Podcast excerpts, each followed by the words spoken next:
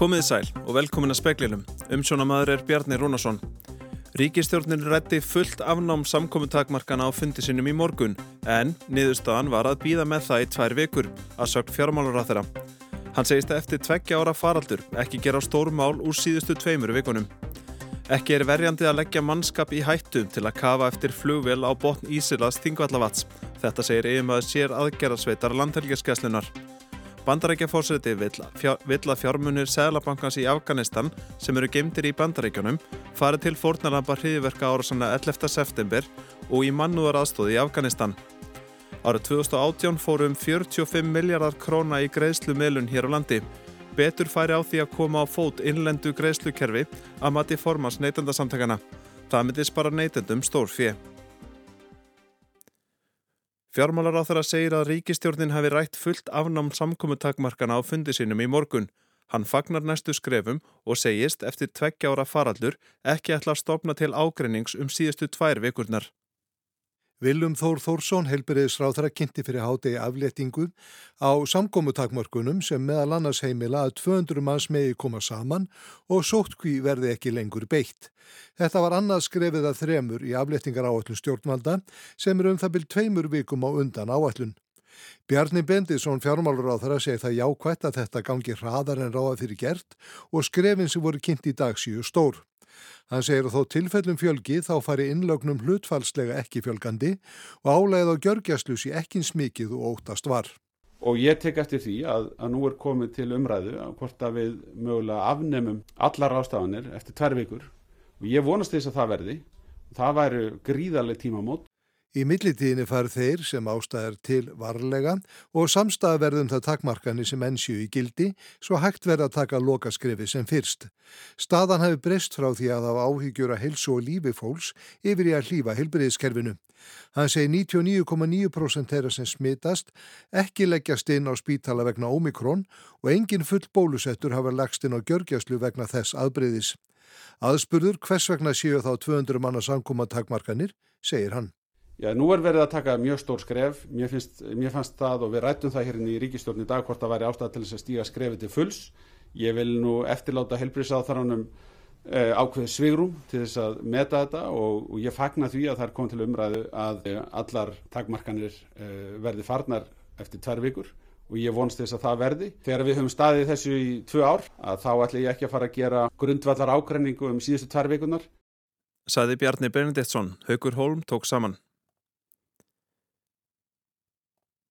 Nánast öllum takmörkunum í grunn- og framhaldsskólum verður aflétt á miðnætti og fá skólarnir undan þái frá fjölda og nálaðar takmörkunum og grímuskildu á skemmtunum fyrir nefendur. Þorstein Sæberg, formaður skólastjórafélags Íslands, segir skólastjórnendur vel undirbúna en það séu núverandi afléttingar innlegg í það sem hefur verið stemt að. Tölverta starfsfólki hafi þó verið fjárverandi síðustu daga vegna veikinda en afnám sóttkvíjar þykir skólastjórnendum ánægu efni að sögn Þorsteins. Í nýri reglugerðum samkomu takmarkanir er heimilt að víkja frá fjöldatakmörkunum í sameiginlegum rýmum innan dýra á öllum skólastegum að við gefnu að starfsfólk og nefendur fættir 2005 og fyrr noti andlitsgrímu. Blöndun hópa er heimil á öllum skólastegum og starfsfólki heimilt að fara á milli rýma. Stærsta breytingin á skólastarfi er þó líklega svo að heimilt verður að halda skólaskemtanir fyrir nefendur og eru þær undanþegnar öllum takmörkunum. Þorstein telur að þær fréttir hafi hlutið góðan hljómgrunn meðal nefenda. Vissulega hafa mann fundið fyrir létti hjá börnunum eftir að breytingar hættu sér stað og sáléttir hefur öruglega vaksið í dag fyrir ljósfyrir. Það er hægt að blanda inn í skólastarfið, skólaskemtunum og fleiru sem er auðvitað bara mjög jókast. Þetta var Þorstedt Sæberg, Robert Jóhansson talaði við hann. Ekki kemur til greina að stopna fólki í hættu við að ná flugvel upp úr þingvallavatni, segir yfirmaður sér aðgerðarsveitar landhelgiskeslunar. Aðgerðum hefur verið frestað í vekur og jafnvel mánuði.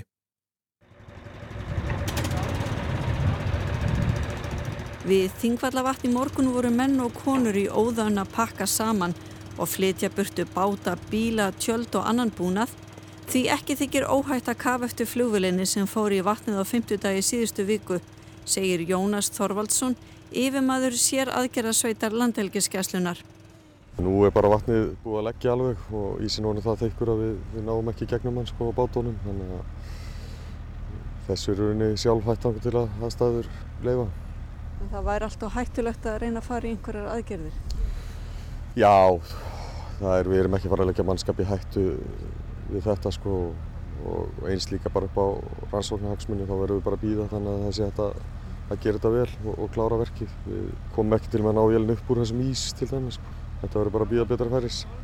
Hvernig gekk þetta í gær? Þetta gekk bara vonum framar. Það var náttúrulega búið að mikil skipularsvinna með milla okkar og, og sérsetta ríkislaugustjóra um, um hvernig við ættum að framkvæmja þetta. Og... Hvað fóru kafararnir djúft? Heyri, þeir fóru nefnum svona 5 metra, eitthvað svolítið. Sko. Saði Jónas Þorvaldsson, Kristín Sigurðardóttir talaði við hann. Bæjastjórn hveragerðisbæjar furða sig á að vegurinn um helliseiði hafi verið lokaður í þrjá sólarhinga í byrjun vikunar. Aldís Hafstensdóttir, bæjastjóri, segir mikla röskun hafa fyllt lokuninni. Bæjarstjórnin hefur sendt áskorun til vegagerðarinnar þar sem hún lýsir miklum vonbreyðu með lokunina sem Aldís bæjarstjóri segir jafnvel þá lengstu í áratugar aðir. Skoraðir á vegagerðina að leita allra leiða til að komi í veg fyrir að svo löng lokun endur tæki sig, sér í lagi þar sem bæjarbúar töldu sig ekki sjá ástöðu fyrir svo langri lokun.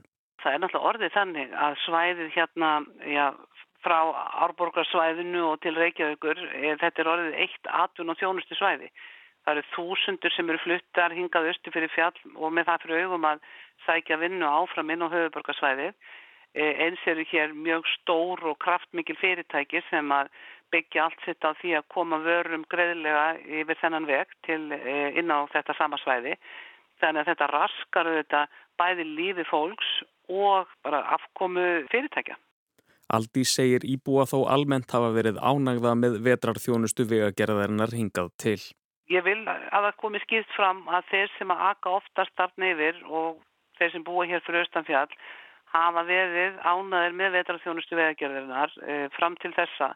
En það virðist vera og maður heyri það á þeim sem að hvað oftast eiga þetta leiðum að svo virðist sem að eitthvað hafi breyst og það er áhyggju efni og við vonumst til þess að vegagerðin takir tillit til þeirra aðtöðasendi sem hafa verið gerðar saði Aldís Hafsteinsdóttir, Þorgnýr Einar Albertsson talaði við hana. Og nátengt þessari frétt, helliseiði er lóku sem stendur vegna umferðar óhaps sem var þar síðdeis í dag. Eldur kom upp í snjóruðningstæki í kömbunum. Ekki hafa búið fregnir af slísum á fólki vegna eldsóðans. Slökkvi starf gekk vel sangvænt Pétri Pétursinni slökkvilistjóra hjá Brunavörnum Árnesíslu. Sangvænt upplýsingu frá vegagerðinni var vegurinn um kampana lokaður í báðar áttir um tíma vegna mikillar hálku. Mikil bleita varð eftir á veginum í báðar áttir eftir slökkustörf og skilur eftir sig flughálku. Lörglann sér að ykkur leiti um að stýra umferð en ekki er ljóst hvenar vegurinn verður opnaður að nýju. Joe Biden bandarækjaforsiti vil ráðstafa þeim peningum sem Sælabanki Afganistan lagði inn í bandarækjunum til mannúðaraðstofar og til fornalampa árásuna í New York 11. september 2001. Aðgerinn þykir afar óvinnileg. Þegar talibanar tóku við völdum í Afganistan voru fjármunir afganskra stjórnvalda í bandaríkjónum fristir til að talibanar kæmust ekki í þá. Þetta eru alls 7 miljardar bandaríkjadala eða hátt í 900 miljardar íslenskra króna. Ástæðan var svo að óljóst þótti hver ætti tilkall til fjármunana í raun og veru. New York Times greinir frá því að Joe Biden, bandaríkjafósetti, muni í dag undirrita fósettatilskipun sem hveður á um að þessum fjármunum verði skipt milli mannúðaraðstóðar til íbúa í Afganistan og fjölskyldna fórnarlamba árásana í New York fyrir umum 20 árum. Talibanar hafa krafist þess að fá þessa peninga en bandarísk hriðjuverkalög bannaðað, auk þess sem talibanar eru ekki viðurkendir sem lögleg stjórnvöld í landinu. Búist er við að stjórnvöld fari fram á að dómari taki fyrir kröfu ættingja fórnalamba árásarinnar í New York um hlutdeild í þessum fjármunum. Verði það samþygt, myndi bæten gera ráðstafanir til að koma hinum hluta fjármunana í sjóð til að styrkja almenna borgara í Afganistan.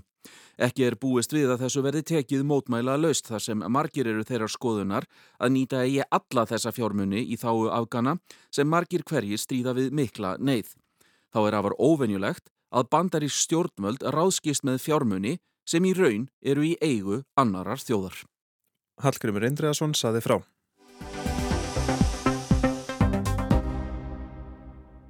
Í speiklunum í dag ræðum við um greiðslu miðlunar kerfið. Það kostar sitt að borga fyrir hlutina. Kostnaðar samfélagsins við greiðslu kerfi namum 45 miljardum árið 2018. Kallað hefur verið eftir því að minga þennan kostnað til að mynda með því að setja á fót innlenda greiðslumiðlun. Í setni hluta þáttarins verður svo fjallað um hvernig breytingar á líferiskerfinu og lækkun líferistöku aldurs eru þungbærari fyrir fólk sem vinnur erfiðis vinnu. En fyrst þetta. Í fréttum okkar í gær var rætt við Gilva Sóega hagfræðiprofessor um kosti þess að koma á fót innlendu greiðslukerfi. Það er kerfið sem við notum flest hver til að greiða fyrir vörur og þjónustu. Bendi hann á að viðskiptabankarnir hér á landi grættu miljarda á þjónustu og greiðslugjöldum. Hér á landi ríki fákeppni á bankamarkaði og þjónustu og greiðslugjöld bæði flókin, falin og allt of há með við aðrar þjóðir sem við berum okkur gerðnan saman við. Þetta kunna að vera litlir fjármunir hjá hverjum og einum en sapnast þegar saman kemur. Neitendur gerir sér ekki alltaf grein fyrir umfangi þessara fjármuna. Í gerð var tilkynnt um rúmlega 80 miljardar samanlaðan hagnaðstóru viðskiptabankana þryggja. Til skoðunar er hjá Sæðlabanka Íslands að taka upp og útfara innlend greiðslukerfi. Hingað komin Breki Karlsson, formadur neytindasamtækara. Velkomin í speilin. Takk fyrir. Það leikur við að maður rökkvi við, sjáum maður peningaseðil nú orðið, það borga allir með kortum, símum, úrum jável eða með öðrum rafrænum hætti. En þetta er ekki frítt eða hvað? Nei, greiðslumiðlun á Íslandi er, er alveg gigantísk dýr og í, í skýslu Sæðlabankans frá 2019 kemur fram að það kosti okkur um það byrj 45 miljardar á ári greiðslumiðlunin sem er ja, tvöfalt og, og þrefalt herra heldur en í þeim löndum sem við viljum bera okkur sama viðgjarna Danmörk, Noregi og, og Svíþjóð. Helsti mununina er að Danmörk og Noregur eru með sína eigin greiðslumiðlun, það er að segja innlenda greiðslumiðlun og þar að leiðandi er miklu mun ódýrari kostnaðinu þar miða við höfðatölu. En fólk leðir ekki endilega hugan að þessu, að þetta er eins og Gelvi bendi á að verðskrá bankana þetta er oft, oft laung og, og flókin plögg sem fólk er ekkit endilega að veita aðtegli. Nei og það er náttúrulega, er, er, þetta snýrsvöldið að svona uh, neytenda málum í heild að það, það er oft uh, þessi mál sem eru stærstu málinn það sem stórir, fáir aðilar taka lítið fyrir af, af mjög mörgum einstaklingum. Það er náttúrulega öll neytenda vernd snýra því að, að vernda marga einstaklinga frá ofurvaldi stórra fára aðila á, á markaði og það er náttúrulega ekki fyrir eh, neitt að, að fara í gegnum þessa skilmála og, og, og þessar verðskrár bankana og Guð hjálpi þeim sem ætla svo að, að reyna að bera saman verðskrár bankana því að það er, er ennþá meiri höfðverkur. Teknin er alltaf að fleita fram og það er alltaf að koma nýjar og nýjar lausnir eins og þetta Apple Pay og, og fleiri. En eru þær eitthvað ódýrari heldur en gamlu góðu greiðsleikortin? Já, það er lausnin sem við sjáum núna, höfum séð svona undarfinni eins og þú nefnir Apple Pay það er í raun og veru bara frammenda lausn. Á bakvið það eru gamlu alþjóðlegu kortin sem eru bara ótrúlega dýr ef við værum með innlend kerfi sem, sem hérna, uh, myndi ekki uh, eins og til dæmis í, í Danmörku og Nóri þá eh, væri þessi kostnar miklu mun lægri fyrir okkur og, og það snýra því að, að, að hugsalega gæti Sæðlabankin eh, hérna, útbúið þetta eða, eða verið eh, aðili hérna, eins og þeir eru með stór greiðslur, miðlunina sína að, að hérna, allar greiðslur yfir 10 miljónum krónar fari gegnum stór greiðslu kerfið. Stór greiðslu kerfið, það er, það er um það byrjum svona helmingurinn eða rétt tæplega helmingurinn af allri peninga, allir, allir greiðslu miðlun á Íslandi. Það er Sannkvæmt þessari skýslu þarna þá er, eru það fara um það byll 50.000 miljardar í gegnum greiðslumiðlunar kerfi á Íslandi á hverju ári og rúmlega 40% er í, í þessu stór greiðslur en, en 60% eru þá greiðslur eh, fólks á milli og, og eins og þetta er núna þá eru eh, stærstu aðalarnir á markaðin eru þessi stóru erlendu greiðslukort en með því til dæmis að, að þróa innlenda lausn og leiða hana inn hér eh, eins og í Danmarku og Nóri þá má ná fram þjóðhagslegum spartnaði sem nefnur 20 miljardar króna á ári. En af hverju er þetta svona dýrt? Það er bara klipið af örlittlar örfáur krónu hér og örfáur krónu þar en sapnast þegar saman kemur að, að þetta verða svona svakalegar upphæðir þegar að, að lítið er til alls og búið er að reikna allt saman. Það er klipið af, af hvort að fyrirtekin fá hlutfall af, af, af því sem er farið á milli hérna Apple Pay og, og aðrir fá líka sinn skerf og þó að við sjáum það ekki sem neytendur að, að þá er það þarna á bakvið þá, og þetta náttúrulega kemur fram í verði þess sem við kaupum hverju sinni að, að það þurfa allir að fá, fá eða allavega hinga til að hafa allir tekið það sem þeim ber og, og, og fá þá, þá sitt sko. En sko innlend greiðslukerfi, sko hvað er það og hvað verður til þess að þetta verður ódýrar með því móti? Það er hægt að gera það á margvíslanhátt og, og líklega væri ekkert eh, endilega sniðut að fara sömu leið og, og, og hérna frendur okkar í, Noregi og Danmörku sem eru með sitt eigið bank accept og dankort. Heldur væri hægt að búa til einhvers konar app og til dæmis geti Sælabankin séð um, um þá að, að, að, að hérna, um, um þessar uh, millifæslur í, í stað þess að það færi í gegnum þessa, þessa stóru erlendu aðila Já, hugsanlega, það, það hefur náttúrulega verið að ræða þetta og, og öðrum stöðum en, en uh, hugsanlega væri hægt að sjá það þannig að, að hver og einn uh, Íslendingur fengi, fengi hérna, reikning í sælabankunum og geti þá lagt þar inn og, og tekið síðan út í, í einhvers konar rafeiri eða, eða e, með appi eða e, e, ykkur slíku. Þannig að, þannig að fækka þannig þessum uh, milliliðum og, og það er þá hérna hægt að færa beint á milli reikninga með tiltölu einföldum og, og miklu ódýrari hætti. En, en ég vil árétta það að, að, að hérna, neytundarsamtökin beina því til þeirra sem er að hugsa þessi mál og, og þróa þessar lausnir að það verði að, að tryggja öryggi greiðslu miðlunarinnar að hún sé áreðanleg uh, og öllum uh, opinn, þar er þess að hvaðra og landi sem henn búa og eru og að úrlausnar efni, uh, úrlausnar leiðir séu greiðfærar öllum neytendum. Uh, með þessum nýju tæknilausnum sem við erum að sjá reyða sér til rúms á undarfötnum missurum og árum uh, sjáum við líka mikla aukningu misnótkunar þess að, að hérna, allskynns svindl og, og hérna um, og það þarf að, að, hérna, að tryggja það að öryggi hérna miðlunarinnar sé tryggð og það er í rauninni uh, jáfnveil þjóðar öryggismál því að það er alveg þekkt að, að, að ílviljaðir uh, hafi í, reynd að ráðast á svona greiðslumiðlun menn menn ímskar greiðslumiðlun hafa uh, látið undan þrýstingi og lokað á uh, óæskilega innan gæsalappa aðila í gegnum tíðina. Og, og, og það er bara þjóðar öryggisatriði að, að við ráðum þessum sjálf að það sé innlend regluverk, innlend regluverk sem stjórnir þessu. En hvað myndi þetta, ef að til þess kemi, hvað myndi þetta þýða fyrir eh, Jón og Gunnu? Getið áfram nota korti sín í útlöndum, bara hvernig virkar þetta? Það er eh, algjörlega, hérna, það er ekki búið að þróa þetta og ekki búið að finna einhverja lausn en, en og, og þetta er kannski setni tíma lausn, úrlausnar atriði.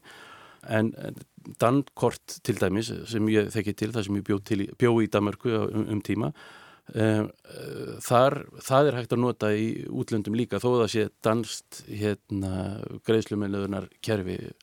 Og, og þá er það svona sérstatt hérna, ja, kort sem hægt er að nota mhm. hvar sem er í heiminum en eh, aftur sko, ég er ekki vissum að korta fyrirkomulagið sé það sem muni eh, verða ofan á þegar til lengri tíma er litið. Það eru aðrar leiðir held ég sem eru nærtækari eins og til dæmis app í síma eða eitthvað slíkt. Og þetta er svolítið náskild umræða við rafmyndir því að það er hafa líka svona verið í, í umræðinu um að það sé eitthvað sem að koma skal eða hvað. Já, þetta er náttúrulega já, náskilt umræðinu um rafeiri að, að hérna Og, og það má ekki rugglaði saman við ja, bitcoin eða eitthvað slíkt heldur, heldur að, að einhvers konar rafeirir verði útgefin á, á, hér á Íslandi á, á vegum Sæðalabankans Íslensk króna hérna, Íslenska rafkróna eh, sem, sem hægt væri þá að nota með, með þessum hætti Hverjir ættu að eiga þetta kerfi? Er nöðsynlegt að ríkið eigi þetta, þetta kerfi og af hverju þá? Eh, það er svo aftur eh, annan, á, það er eh, allavega einnar messu virði að, að taka þá umræðu. Ég held að, að svona það eru kostur og gallar við, við bæði fyrirkomulega en ég held að það sé sniðugt að, að allan að hafa það í huga að, að, að það sé stert að greiðslumiljunin lúti innlendu regluverki og það sé sterk og styrk stjórn á því og eins og segist, úrlausnir fyrir neytendur sem lendi í vandræðum hérna, verði þannig fyrir komið að, að, að þeir geti fengið skjóta úrlaust sinna mála í tilvíku þegar eru um auglaug svika ræða eins og, eins og við erum að lenda í á hverjum einasta degi að óbrotnir aðilar er að reyna að plata okkur og texta því miður allt og ofta til þess að já, hafa á okkur peninga. Þetta eru talsverðir peningar sem fara í þetta kerfi eins og segir í, í skýslu Sælabankans og til mikils að vinna hvað ávinst með því að minga þennan kostnað? Já, við erum eins og segir, sko, árið 2018 það var, var líklega, voru við að greiða fyrir þetta 45 miljardar króna sem er um það beil 1,6% af vergri landsframleyslu og það er til mikils að vinna að, að ná þessu niður hérna um, um ef við næðum því niður um, um helming eins og í Nóri eða þá í, jáfnveg ennþá meira eins og í hérna, Svíþjóðu Danmörku þá, þá væri það ja, það sem þetta er í kringum 0,5% 0,6-7% ef mann rétt. Um, þá er það töyir miljardar sem, sem við spörum öll í, í, í hérna, þjóðfélaginu. Breki Karlsson, takk hjá það fyrir komin í spilin. Bestu þakkir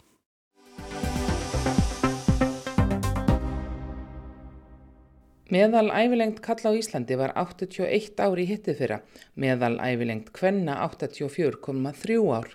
Lífslíkur Íslendinga eru með þeim mestu í Evrópu og hafa tölunar hækkað umtalsvert á síðustu áratugum. Á síðustu 30 árum hafa kallar bætt við sér rúmlega 6 árum og konur rúmlega 4.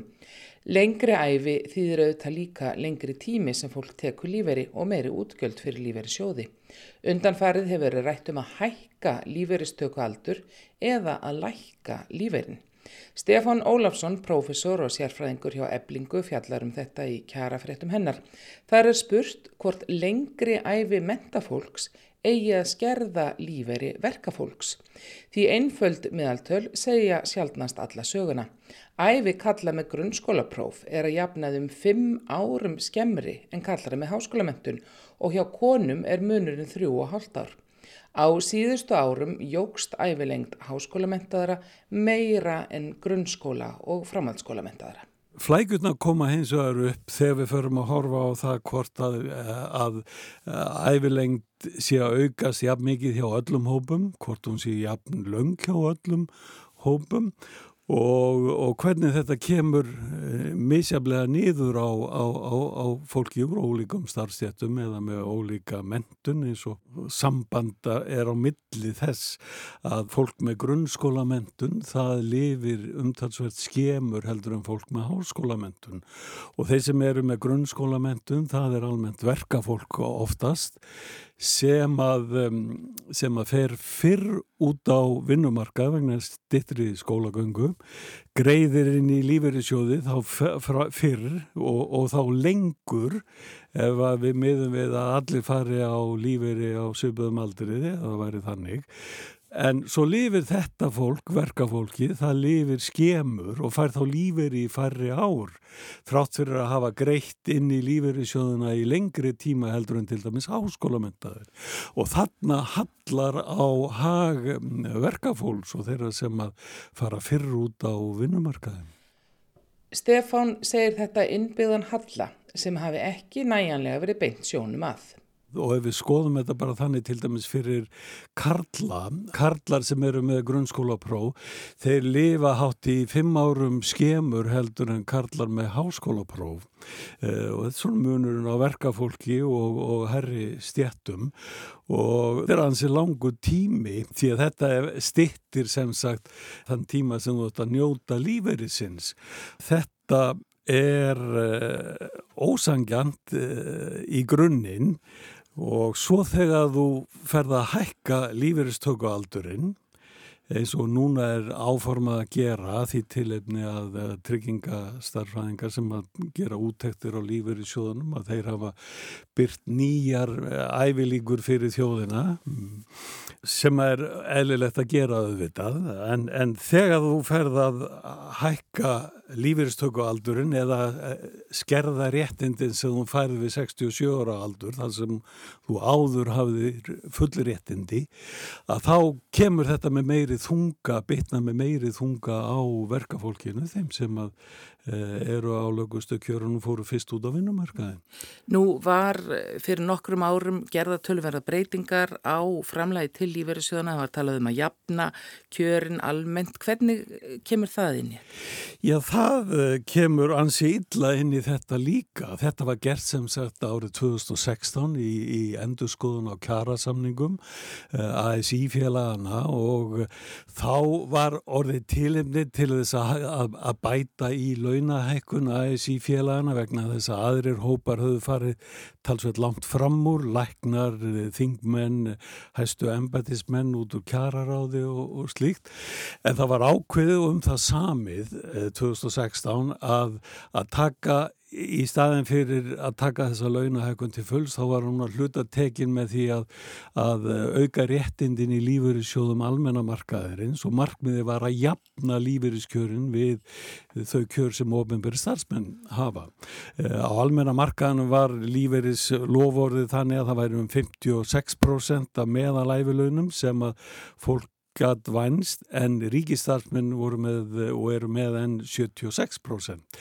En núna fjórum árum síðar eftir að þetta er að fullu komið til framkvæmda þá er verið að tala um að færa niður réttin kannski niður í 8,66 í staðin fyrir þessi uh, hátt í 76% sem aðvar stemt þannig að, að þessi jöfnun á lífeyriséttundum á almennamarkaðunum og við ofinbæra geiran, hún er í uppnámi þegar að þetta blasir við þannig að, að þá er orðið sínt að hún mun ekki nást og áfram mun þá fólk á almenna markaði búa við lagari lífeyriskjör því að jafnvel þó að þú uh, hækkir æfilíkunar í lífeyrissjóðum ofinbæra geirans að þá þá uh, kemur það eh, ekki fram endilega á sama máta, miskost ekki fyrir alla í ofinbæra geiranum. Það eru ymsar leiðir færar til að koma móts við Hallan. Stefán segir að einfaldast sé að gera það í almanatryggingakerfinu. Um áramótin innleitu til dæmis Danir heimild fyrir erfiðisvinnu fólk sem hefur verið 44 ári eða lengur á vinnumarkaði þegar það er 61 ás til að taka lífverið þá. Það er þremur árum fyrr en almennt gerist í Danmarku.